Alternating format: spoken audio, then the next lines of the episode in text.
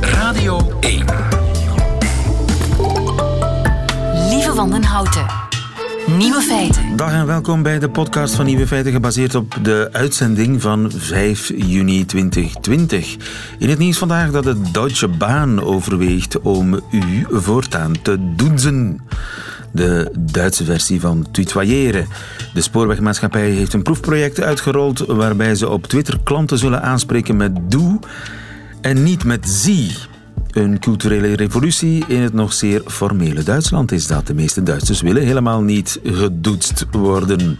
Die vinden dat beledigend. Zietzen of doetsen, een dilemma voor de Duitse spoorwegen. Over drie maanden hakken ze de knoop door. Voor mij mag alles, zolang ze maar geen mateke beginnen zeggen. De andere nieuwe feiten. Tomorrowland vindt deze zomer plaats op uw gazon. Sander van Horen, de NOS-correspondent in Brussel, ging deze week naar de tandarts. Zeggen dat je geen huidskleur ziet is geen goed idee. En de meeste mannen vallen op oudere vrouwen. Bij de gorillas. De nieuwe feiten van Christophe van der Goor hoort u in zijn middagjournaal. Veel plezier. People of tomorrow, it is hard to imagine. Fifteen summers have passed since, for the first time, people gathered here on these sacred grounds. And now you have returned to celebrate the birth of this magnificent gathering we call Tomorrowland. Okay, now can I get a Ja, dit soort magnificent gatherings kunnen we dus eh, in vele Vlaamse verkavelingen verwachten. Hè, zo het laatste weekend van juli.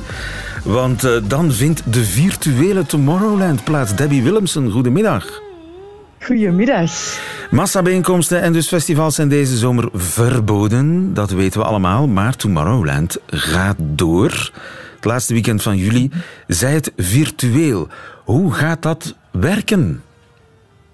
Ehm, eigenlijk heel gemakkelijk. Ehm, wat je eigenlijk nodig hebt is een heel groot scherm, of een scherm te koer. Liefst van al wel een groot scherm dat je heel goed kan kijken wat er gebeurt. Eh, en een goede geluidsinstallatie en een ticketje. En dan gaan wij jullie eigenlijk meezuigen in een hele nieuwe wereld. Een wereld die wij voor de allereerste keer hebben gecreëerd. Ja. Ehm, intern, met onze eigen 3D-tekenaars en een animatieteam. Dus eigenlijk een beetje zoals een animatievideo, um, gecombineerd met livestream eh, en met 3D-tekeningen. Dat we samengebracht op een Tomorrowland-eiland. En dan ga je eigenlijk meegezogen worden in je scherm en ga je op die manier onze nieuwe podia kunnen bekijken. Eh, ga je de meeste coole DJ-sets kunnen beleven. Ga je eigenlijk echt een festivalervaring hebben. Weliswaar op het scherm, maar dan is het de bedoeling dat je je beste vrienden uitnodigt, je vlag van Tomorrowland ophangt, eh, de pintjes koud zet en er eigenlijk zelf een feest van maakt. De DJ's, waar zijn die? Als ik dan een heel domme vraag mag stellen. De DJ's zijn echt eh, overal ter wereld. Dus we hebben eh, momenteel studio's geboekt, zowel in Amerika als in Australië als in Europa. Ehm, en die DJ's gaan eigenlijk spelen. Ja, die gaan eigenlijk spelen in een, eh, een opnamestudio. Een beetje zoals Sabine Hagedoren voor de weerkaart staat. Gaat eigenlijk David Guetta ehm, in een Green Key-omgeving staan. Hij gaat daar zijn DJ-set doen. Hij moet zich, eh, ja, eigenlijk eh, het publiek voor zich inbeelden. En wij gaan dat opnemen en dan gaan we eigenlijk projecteren op die 3D-beelden. Dus Opnemen zeg je, maar het gebeurt wel live. We gaan eh, delen live eh, doen, maar we gaan ook delen moeten opnemen uiteraard, omdat we zitten met verschillende tijdzones. Als we eh, bij wijze van spreken onze DJ's in Australië willen gaan uitzenden om drie uur 's middags in België, ja, dan zitten we daar met een tijdverschil. Dus er zullen een paar DJ-sets worden opgenomen vooraf, maar die mensen gaan dat wel live spelen en gaan eigenlijk ja, wel alles doen zoals ze het normaal zouden doen Ja. in bomen. En dan projecteer je die DJ Frank de Bozere gewijs in dat virtuele decor dat jullie gemaakt hebben. Overigens, hadden jullie eigenlijk al een decor, een echt decor? Ja, ons decor ligt gewoon in Rumst, in ons magazijn, te wachten tot volgend jaar. Dat was Dus af. dat, was, hele- dat was, Het was eh, af, ge- ja. en alles. Alles, alles en alle papier-maché Eh, was, geverfd. Ja, dus uh, dat is een ongelooflijk groot podium. Uh, we gaan dat bewaren tot volgend jaar. En dat is eigenlijk de primeur. Hè. Mensen die um, naar het Digitaal Festival komen, die gaan eigenlijk in primeur het hoofdpodium van volgend jaar zien. Dus uh, we hebben dat volledig in 3D getekend. Dat doen we intern met heel ons creatief team. En zij hebben dat getekend. En dat gaat echt, ja, het gaat lijken alsof we het hebben opgebouwd in de schorren en gefilmd hebben, maar het is een 3D-tekening. Ja, ja. En, dus mensen gaan in primeur het hoofdpodium zien. En kan ik met mijn muis van podium naar podium wandelen? Ja, het is echt de bedoeling dat je gaat navigeren. Dus je gaat in, op dat eiland, het is een Tomorrowland-eiland, dus het is niet de schorren die we hebben nagetekend, maar echt een eigen eiland. En je gaat op dat eiland uh, gaan navigeren en dan ga je zeggen, ah, uh, om één uur speelt um, uh, David Guetta, die wil ik graag bekijken. Dan ga je naar het hoofdpodium lopen ja. en dan ga je eigenlijk ja, daar voor het hoofdpodium staan en David Guetta aan het werk zien met vuurwerk en, en lichtshow. Ah ja, want randanimatie, daar zeg je zoiets. Want dat is heel belangrijk hè, voor Tomorrowland, randanimatie, de sprookjes, ja. de de vuurspuwers. Dat, de, ja. dat heb je dan ook. Dat, ja, we gaan dat echt allemaal mee in die wereld um, zetten. Dus mensen gaan dat effectief zien, uh, gaan echt het gevoel hebben alsof ze op het terrein zouden zijn. Uh, en ook bijvoorbeeld, uh, en dat is echt wel super cool um, is bijvoorbeeld ja, onze David Guetta, om hem terug opnieuw te noemen, um, gaat spelen op dat hoofdpodium en gebruiken wij blauw licht of rood licht, dan gaat dat ook reflecteren op, op het gezicht van David wow. Guetta. Dus het is niet zo... Ja, het, het mocht wat wel, kosten. Je gaat echt het gevoel hebben. Uh, het is een ongelooflijke investering, maar we vinden echt dat dat uh, belangrijk is dat mensen een fijne zomer hebben, dat ze iets hebben om naar ja. uit te kijken en dat ze ook kunnen verenigen. Hè. Uh, heel de wereld gaat op dat moment naar Tomorrowland kunnen komen. Ja, er zal wat gedanst worden in de Vlaamse verkavelingen. Als daar maar geen nachtlawaai van komt, Abby. Um, we stoppen om één uur. Um, okay. uh, dus net zoals uh, in België stoppen we om één uur. Um, en ja, uh, de bubbel is klein. Hè? Je mag maar max 10 mensen uitnodigen in je tuin. Um, dus ja, we gaan ervan uit. We hopen ja. gewoon dat de mensen een fijne tijd hebben en respect hebben voor de buren. En anders stel ik voor, um, één ticket kan je op drie toestellen gebruiken. Dan geef je gewoon uh, je buren aan de twee kanten ook de kans om mee te kijken en dan kunnen samen het feestje Ja, 20 bouwen. euro kost het. Hè? Is het eigenlijk wel veel geld hè, voor ja. een tv-programma? Oeh, uh, het is geen tv-programma. Het, is, uh, het is echt wel een, een, een, een game, uh, een animatiefilm. en eigenlijk um, ja, is het 20 euro voor een heel weekend. Dus dan heb je echt twee dagen lang de beste DJ-sets. We gaan die mensen, die artiesten worden ook betaald om te spelen. We werken daar nu met 100 mensen aan om dat nog allemaal klaar te krijgen. Uh, we hebben ook wat externe leveranciers, die moeten ook betaald worden. Um, dus ja, het is 20 euro. Je kan het op drie um, toestellen afspelen. En je hebt nog uh, de kans om eigenlijk alle DJ-sets te herbekijken gedurende een week. Ja. Dus ja, en je kan 10 vrienden uitnodigen. Dus reken uit 20 euro gedeeld door 10. Ja, ja. En dan nog op drie toestellen. Een, luxe tv-programma, uh, zal ik dan maar zeggen. Maar, maar zijn, zijn er ja. exquise hapjes inbegrepen in de prijs? Um, je, als, als, als je zelf goed kan koken, uiteraard. Nee, maar we hebben ook uh, een partybox voorzien. Uh, een partybox is eigenlijk een box die heel de wereld kan bestellen, waarbij we uh, heel leuke Tomorrowland gadgets meeleveren. Maar we zijn effectief bezig met nu al onze cateraars aan te schrijven en te bellen. En we gaan in België absoluut een mooi aanbod hebben aan takeaway of delivery. Ja, ja. Of um, ja, uithaalgerechtjes. dus het kan heel goed zijn dat er effectief een topchef aan je deur staat met een lekker barbecue pakket of met een, uh, een, een gerechte van ons eigen restaurant, ons Tomorrowland restaurant. Jullie hebben er heel goed over nagedacht. Het is een hele creatieve oplossing om toch iets te doen. Het is een experiment. Ik ben heel benieuwd hoe dit afloopt en of er inderdaad vele beats zullen te horen zijn in de Vlaamse tuinen, de Vlaamse verkavelingen. Debbie Willemsen, dankjewel. Veel succes. Nieuwe feiten. De ontdekking Ja, elk ander avontuur valt in het niets, verdwijnt in het niets. Naast het avontuur dat Sander van Horen nu toch al een jaar of twee, drie ja, aan twee, het beleven is. Ja. Want zo lang ben jij uh, correspondent NOS in uh, Brussel, zo lang... Uh, ontdek jij ons land uh, en kom je daar verslag van uitbrengen in uh, Nieuwe Feiten ja, vrijdag. En deze week gebeurt dat op basis van een tandartsbezoek van uh, vader en zoon van Horen. Leidt dat tot de serie communicatieadviezen aan Sophie Wilmes deel 385 waren we geloof ik aan toe. Maar de grootste openbaring die is eigenlijk veel recenter.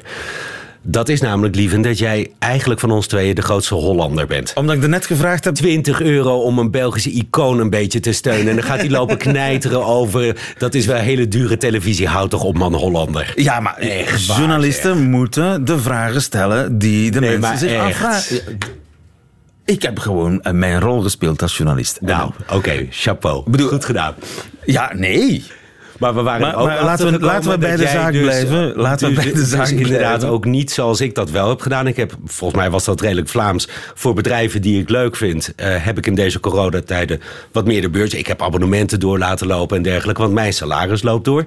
En eh, de dorpsbond wil dat jij bijvoorbeeld je abonnement op de sportclub hebt stopgezet. Nou, dan denk ik van, eh, ja, de echte Hollander zit recht tegenover mij. Maar goed, Ik, ik, ik pleit schuldig.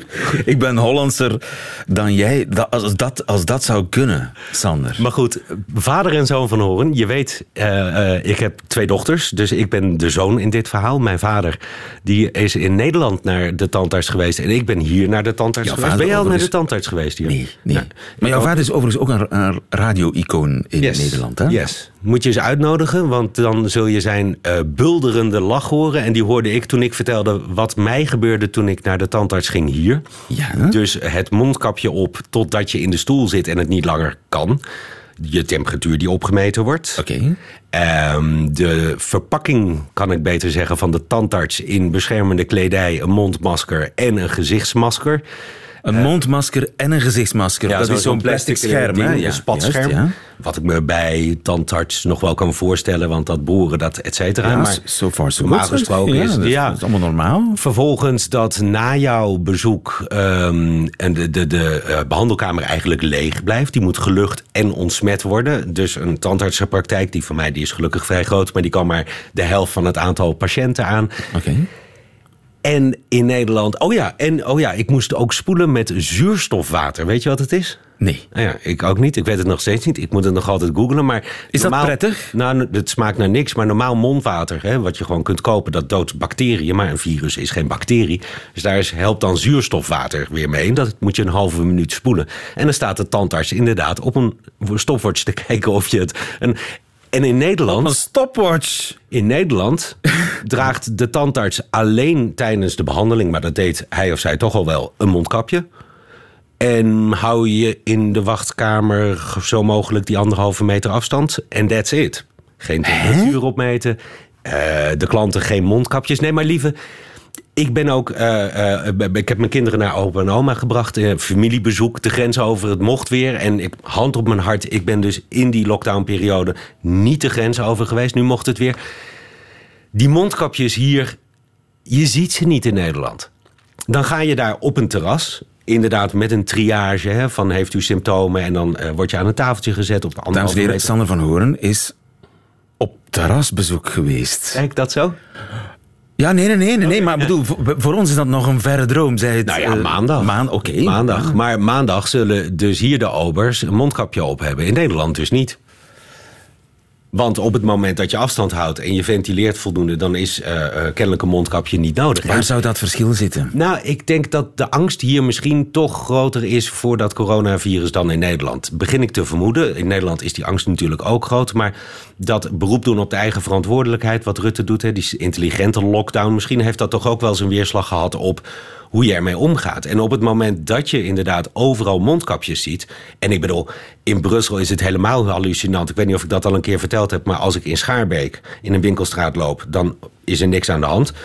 Passeer ik de grens met Etterbeek, waar de burgemeester kennelijk een Had je bepaald... nog niet verteld? Oké, in Etterbeek heeft de burgemeester besloten dat hij in weerwil van alle federale adviezen kennelijk een bepaald deel van zijn lichaam wat wat klein is uitgevallen heeft moeten compenseren en heeft hij verordoneerd dat iedereen in winkelstraten mondkapjes op moet. Etterbeek. Etterbeek. Oké. Ja. En dan heb je dus dat je daar in het straatbeeld mondkapjes ziet. Alsof er een of ander zombievirus van persoon naar persoon springt. In Nederland heb je dat dus werkelijk waar. Alleen in Dus- het openbaar vervoer. Zou, zou het kunnen dat uh, mondmaskertje eigenlijk gewoon een symbool is voor, voor van alles? Voor je geval- nuchterheid in Nederland? Het Zo, zorgt in elk geval voor dat je er steeds meer mee geconfronteerd wordt. En ik denk dat dat, en ik weet niet of dat vanaf het begin een bewuste strategie is geweest. En het had ook verkeerd uit kunnen pakken, dat weet ik. Het, het had in Nederland heel veel slechter kunnen zijn dan in België. Maar uiteindelijk die curve die loopt hetzelfde. Maar Rutte is daar gewoon veel slimmer in. Het Nederlandse kabinet denkt van tevoren voor zo'n persconferentie veel beter na. Wat willen we communiceren? De intelligente lockdown, de anderhalve meter samenleving. Eh, Afgelopen woensdag ging het over reizen binnen Europa. Wat mij is bijgebleven is Rutte, eigenlijk de portée van wat hij zegt is reiswijs. Hoe slim is dat? Verzint hij niet te plekken natuurlijk, heeft hij over nagedacht. Sophie Wilmes, communicatiecursus 385. Die had goud in handen afgelopen eh, week. Wat heb jij onthouden van wat ze heeft gezegd? Uh, dat de, de rollen zijn omgedraaid. Dus vroeger mocht niks behalve, nu mag alles behalve. Hoe fantastisch is dat? Ja. Maar had daar, ik heb hem ook nog niet verzonnen, maar ik bedoel, ze heeft hele slimme communicatieadviseurs, had daar een catchphrase van verzonnen. Had iets pakkens bedacht. Wat bij de Belg was blijven hangen van... oké, we gaan een nieuwe fase in, maar het is nog altijd niet normaal. Of we gaan een nieuwe fase in, dus je kunt er wat relaxer in staan. Had daarover nagedacht. En Kom uit uw kot, doe niet te zot. Maar kom uit uw kot. Goed dat je het zegt. Mag je de blok, waarschijnlijk per ongeluk zelfs op dat moment, is de enige die echt zo'n catchphrase hier verzonnen heeft. Kijk eens hoe dat is blijven hangen. Dus denk daarover na erken de kracht daarvan. Loop niet om de hete brei heen te draaien. En dat is wat keer op keer weer fout gaat. Want ook nu weer. Ik bedoel, heel grappig hè. In Nederland uh, was het de, de drie S'en die pas in september aan de beurt zijn. Sauna's, sportscholen, seksclubs. Ik zie jouw wenkbrauwen omhoog gaan. Het woord seksclub van een Belgische politicus. Ik had het niet gehoord. Niet verbaasd dus dat ik vanmorgen in de krant lees... dat dat dus kennelijk vanaf maandag weer mogelijk is... en dat sekswerkers denken van ja, hoe dan? Wat dan? Ik bedoel, een kapper en een tandarts. Het is nog onschuldig vergeleken bij wat ik doe.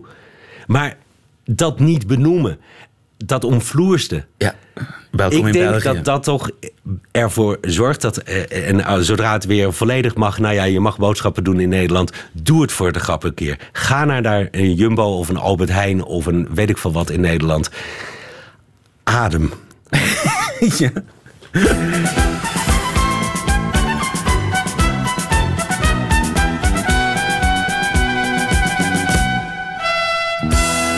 Examen Vlaams. Ja, die adem die meteen gestokt is bij uh, onze kandidaat uh, Examen Vlaams, Sander van Horen. Ja, het thema lijkt me duidelijk, tandarts, dokters. Dus ja. dat is alvast een tip. Een piekuur. Een piekuur? Nou, nee. Zou ik niet weten. Gokken, gokken, gokken. Een piekuur. Uh, bij de tandarts? Ja, een, een, een, een, een vulling? Nee, nee, nee, nee. Een piekuur? Ja. Spuitje. Een spuitje? Ik ga je wel een piekuur moeten geven. Oké. Okay. Oké. Okay. Heeft ze niet gebruikt. Heeft de verdoving aangeboden, maar ja. Is er geplombeerd? Geplombeerd.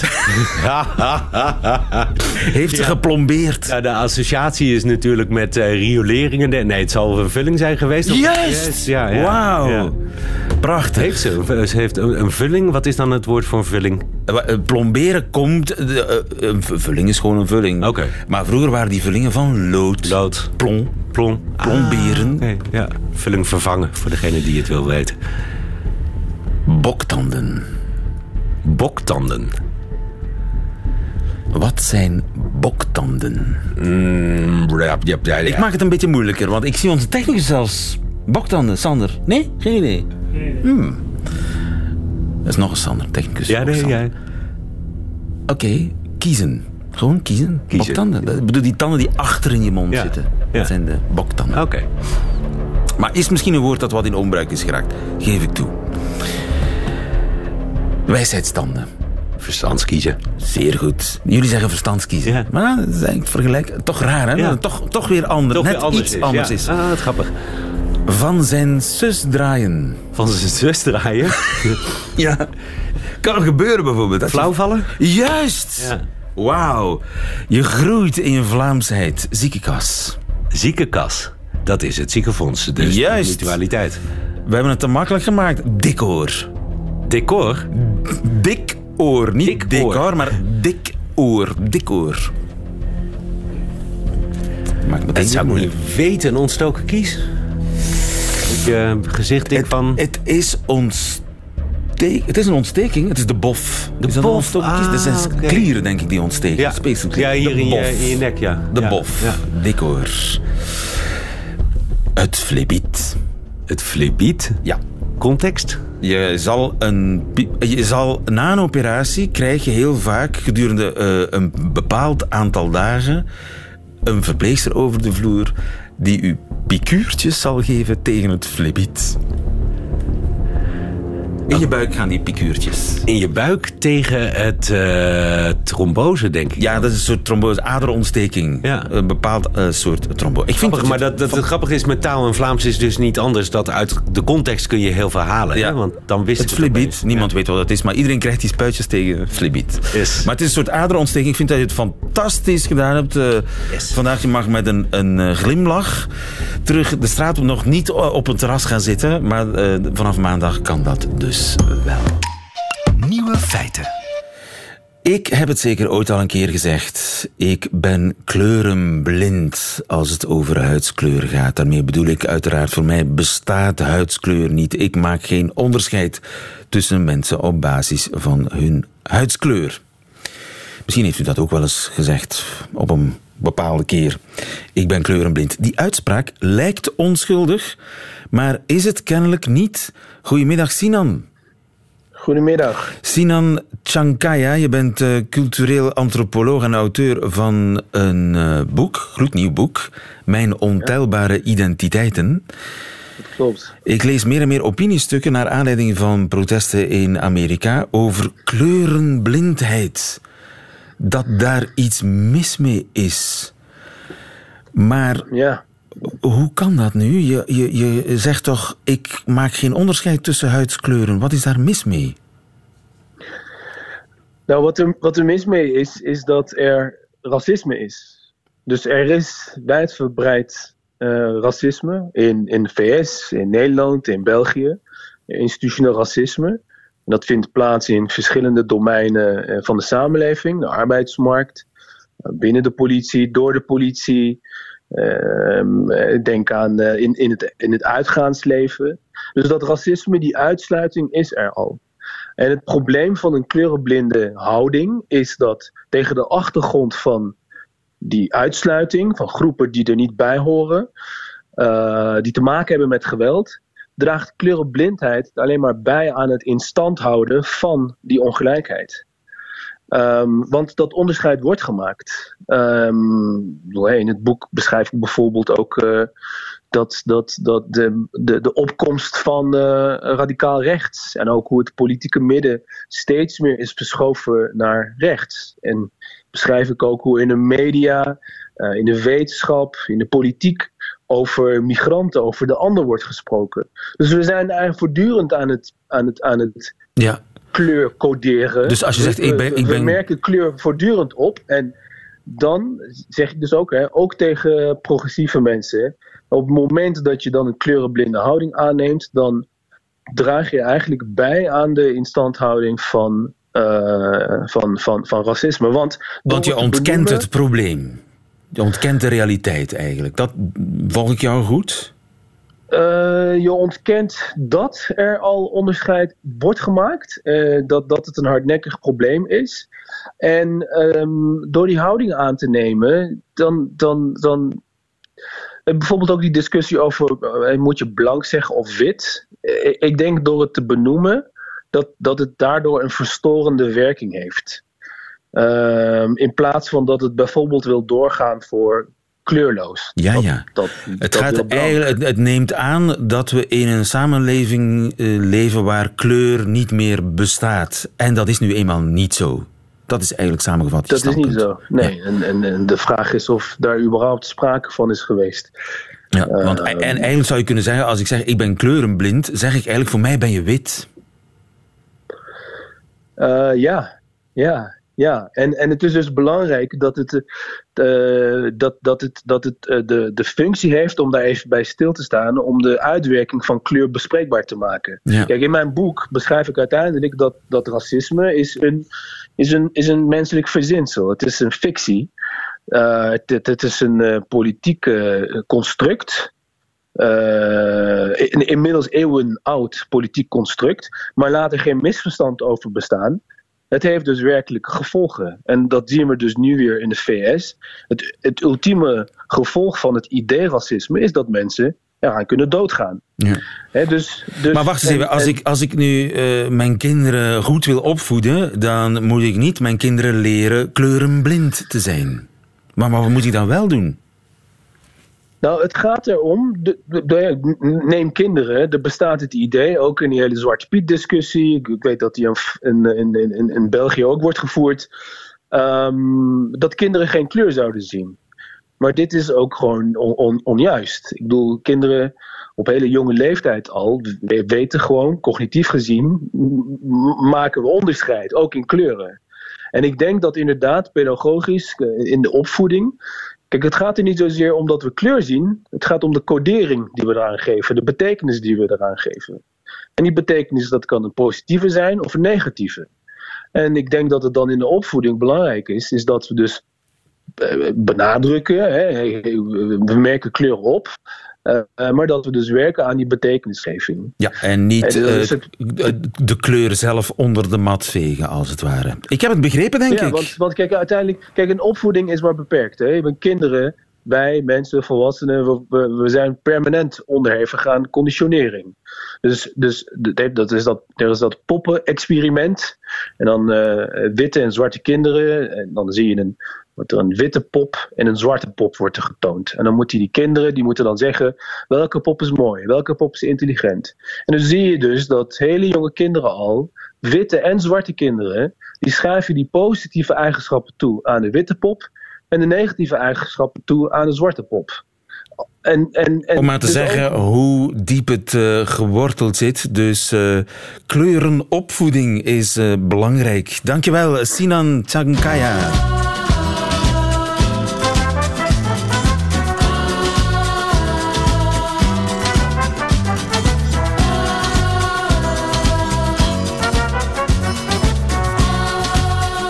Nieuwe feiten. Niets zo aantrekkelijk als een oudere dame. Dat vinden de meeste mannen weliswaar bij de gorilla's. Goedemiddag, Jeroen. Goedemiddag, lieve. Jeroen Stevens, primatoloog aan de Universiteit van Antwerpen.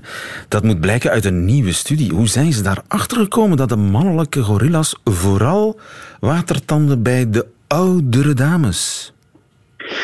Wel, de studie ging niet helemaal daarover, ehm, maar het zou een verklaring kunnen vormen. De studie bekeek eigenlijk of gorilla-vrouwen met een hoge rang of die meer voortplantingssucces hadden. Aha. En daar kwam uit dat ehm, vrouwtjes die dominant waren, inderdaad meer jongen konden produceren, zeg maar. Maar dat die vrouwtjes niet noodzakelijk groter of sterker waren. Dus we zien bij die gorilla's, die leven in een haremgroep, waarbij één volwassen man, een zilverrug, samenwoont met verschillende vrouwen. En we wisten al dat die concurrentie tussen mannen, tussen zilverruggen, heel sterk was. Denk maar aan de typische grote gorilla man.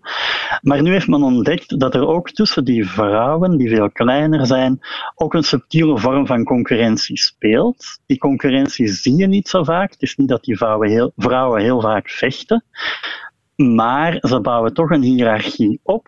En als je aan de top van die vrouwelijke hiërarchie staat, dan heb je meer jongen dan vrouwtjes die aan de eh, onderkant van die hiërarchie staan. Ja, en daar mannen hebben daar helpt, wel leeft, daar helpt leeftijd bij. Hoe ouder je wordt, hoe Ja. dominanter je je kan gedragen, hoe hoger je opklimt in de, in de rangorde, zeg maar. Ja, dat klopt Ook inderdaad. bij de vrouwen. Zeker ook bij de vrouwen. En wat we dan wel zien is dat die vrouwen die lang in die groepen wonen, die ouder zijn, dat die vaak ook de steun van de zilverrug kunnen gebruiken als ze ruzie hebben met andere vrouwen. Dus dat betekent dat zij eh, ook eh, onderling concurreren, natuurlijk, die vrouwen. Ja, en dat is ehm, iets waar we nog niet zo super lang van overtuigd zijn. De meeste biologen wisten al wel heel lang, al eigenlijk sinds Charles Darwin, dat mannetjes heel duidelijk concurrentie voeren en daarom ook vaak groter zijn dan vrouwtjes, grote hoektanden hebben en zo verder. Maar tussen concurrentie bij vrouwtjes, of over concurrentie bij vrouwtjes, daar werd weinig onderzoek naar gedaan. En de laatste 10, 20 jaar zien we vooral ook bij mensapen dat dat wel het geval is. Dus dat idee dat vrouwtjes vredelievend zijn en alleen maar voor hun eigen jongen zorgen en dat het hun voor de rest niet zoveel uitmaakte. Dat klopt dus niet. Vrouwtjes doen ook aan competitie. Die competitie is misschien minder opvallend en, en minder met rechtstreeks agressief uh, gedrag gepaard. Maar het is er wel. En omdat we nu uh, 30, 40 jaar lang mensapen in het wild observeren, zien we dat dat ook echt gevolgen heeft voor het aantal nakomelingen. Hè, een, evolutief succes eigenlijk. En zien we dat vrouwtjes die dominant zijn meer jongen hebben. Dus een voordeel hebben in de evolutie. Maar dus ook bij andere mensapen zo. Hoe zit het bij de chimpansees? Bij chimpansees hebben we dat uh, een, een, jaar of 10, 15 al ontdekt. En zien we ook dat er duidelijk uh, concurrentie is tussen die vrouwtjes. Dat vrouwtjes daar zelfs de jongen van andere vrouwtjes gaan vermoorden. Dat is iets wat we vroeger nooit mogelijk achten, maar nu zien we dat dat eigenlijk regelmatig wel voorkomt en dat daar de vormen van concurrentie niet altijd zo subtiel zijn. Ja, maar zijn bij chimpansees ook de, de ouderen uh, in het voordeel als het over de seksuele competitie gaat? Ja, daar heeft men ook echt gekeken naar die voorkeur voor oudere vrouwen en zien we inderdaad dat mannelijke chimpansees uh, ja, vallen op, uh, op oudere vrouwen, zeg maar.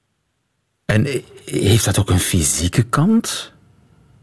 Ja, wat je bij die chimpansees ziet, en dat hebben gorilla's niet, is dat als chimpansee vrouwen ovuleren, dus als ze vruchtbaar zijn, dan gaan hun geslachtsdelen opzwellen. Dat zijn die grote roze poepen, zoals wij in het Vlaams zeggen, die veel mensen wel associëren met apen. Chimpansees hebben dat heel duidelijk, zo'n roze konten. En de chimpansee-mannen vinden dat ongelooflijk opwindend. Dus dat, dat is echt hun, hun sekssymbool, zeg maar. Um, en je ziet dat heel duidelijk aan het gedrag van die mannen. Als er zo'n vrouw met zo'n grote roze zwelling langskomt, dan kunnen ze hun ogen daar niet van afhouden. En hoe ouder zo'n vrouwtje, hoe groter die zwelling, zeg maar. En je ziet ze dan echt, uh, ja, die zwelling volgen overal. En je ziet ze ook letterlijk die vrouwen achterna lopen. Zo'n beetje zoals ja, bouwvakkers uh, ja.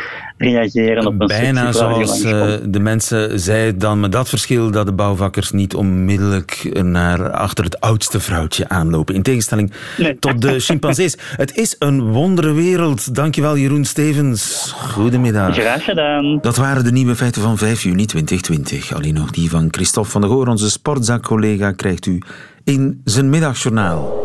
Nieuwe feiten. Middagjournaal. Goedemiddag. En, wat denk je? Zal het doorgaan? Die vraag heb ik de laatste weken dagelijks toch een keer of vijf moeten beantwoorden. Van collega's, vrienden, voorbijgangers. Het is de Ronde van Frankrijk. Normaal gezien vertrokken we over enkele weken naar de toerstart in Nice, dan één dag thuis om meteen richting de Olympische Spelen te vertrekken. Zeven weken van huis zijn nu veranderd in enkele weken vakantie in juli en augustus thuis. Voor het eerst in meer dan twaalf jaar thuis in juli. We zijn er niet rouwig om. Een voorjaar zonder sport, geen tour, geen spelen, niets. Alles verplaatst naar het najaar met een ronde van Frankrijk vanaf eind augustus en volgepropte nieuwe wielerkalenders tot en met november. Speciaal. Zal corona nog een opstoot tevoorschijn toveren in het najaar of pas tijdens de winter? Niemand die een glazen bol heeft en vandaar dus die vaak weerkerende vraag of de Tour wel zal gereden worden. Persoonlijk ga ik ervan uit van wel.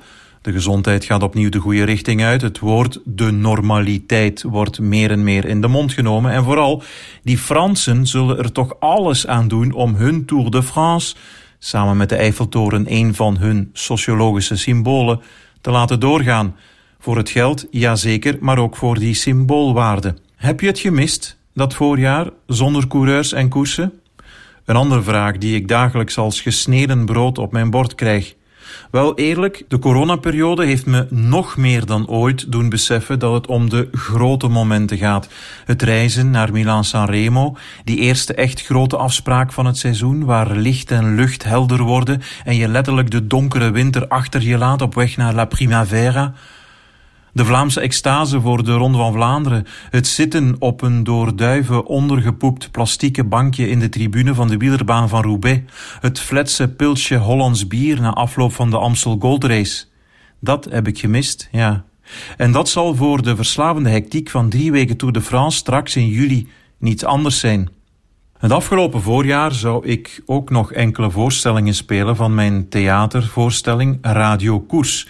U raadt het al, dat gaat over koers. Die heb ik nog het meest gemist. Samen met twee muzikanten en één technicus smiddags naar een cultureel centrum rijden, een leeg podium aantreffen, even in de kleedkamer gaan snuffelen, lichten beginnen op te hangen, gitaren opstellen, soundchecken, een beetje rondlopen, de rookmachine een eerste keer zien blazen, een dik uur voor de show samen gaan eten, even die gezonde spanning vooraf voelen en dan samen spelen en proberen mensen blij te maken. Heerlijk. De Veiligheidsraad was nog maar net afgelopen of enkele minuten later kreeg ik een WhatsAppje. Hashtag alles mag terug. In het weekend samen gitaar spelen? Vraagteken. Met een pintje daarbij? We voelden allemaal hetzelfde.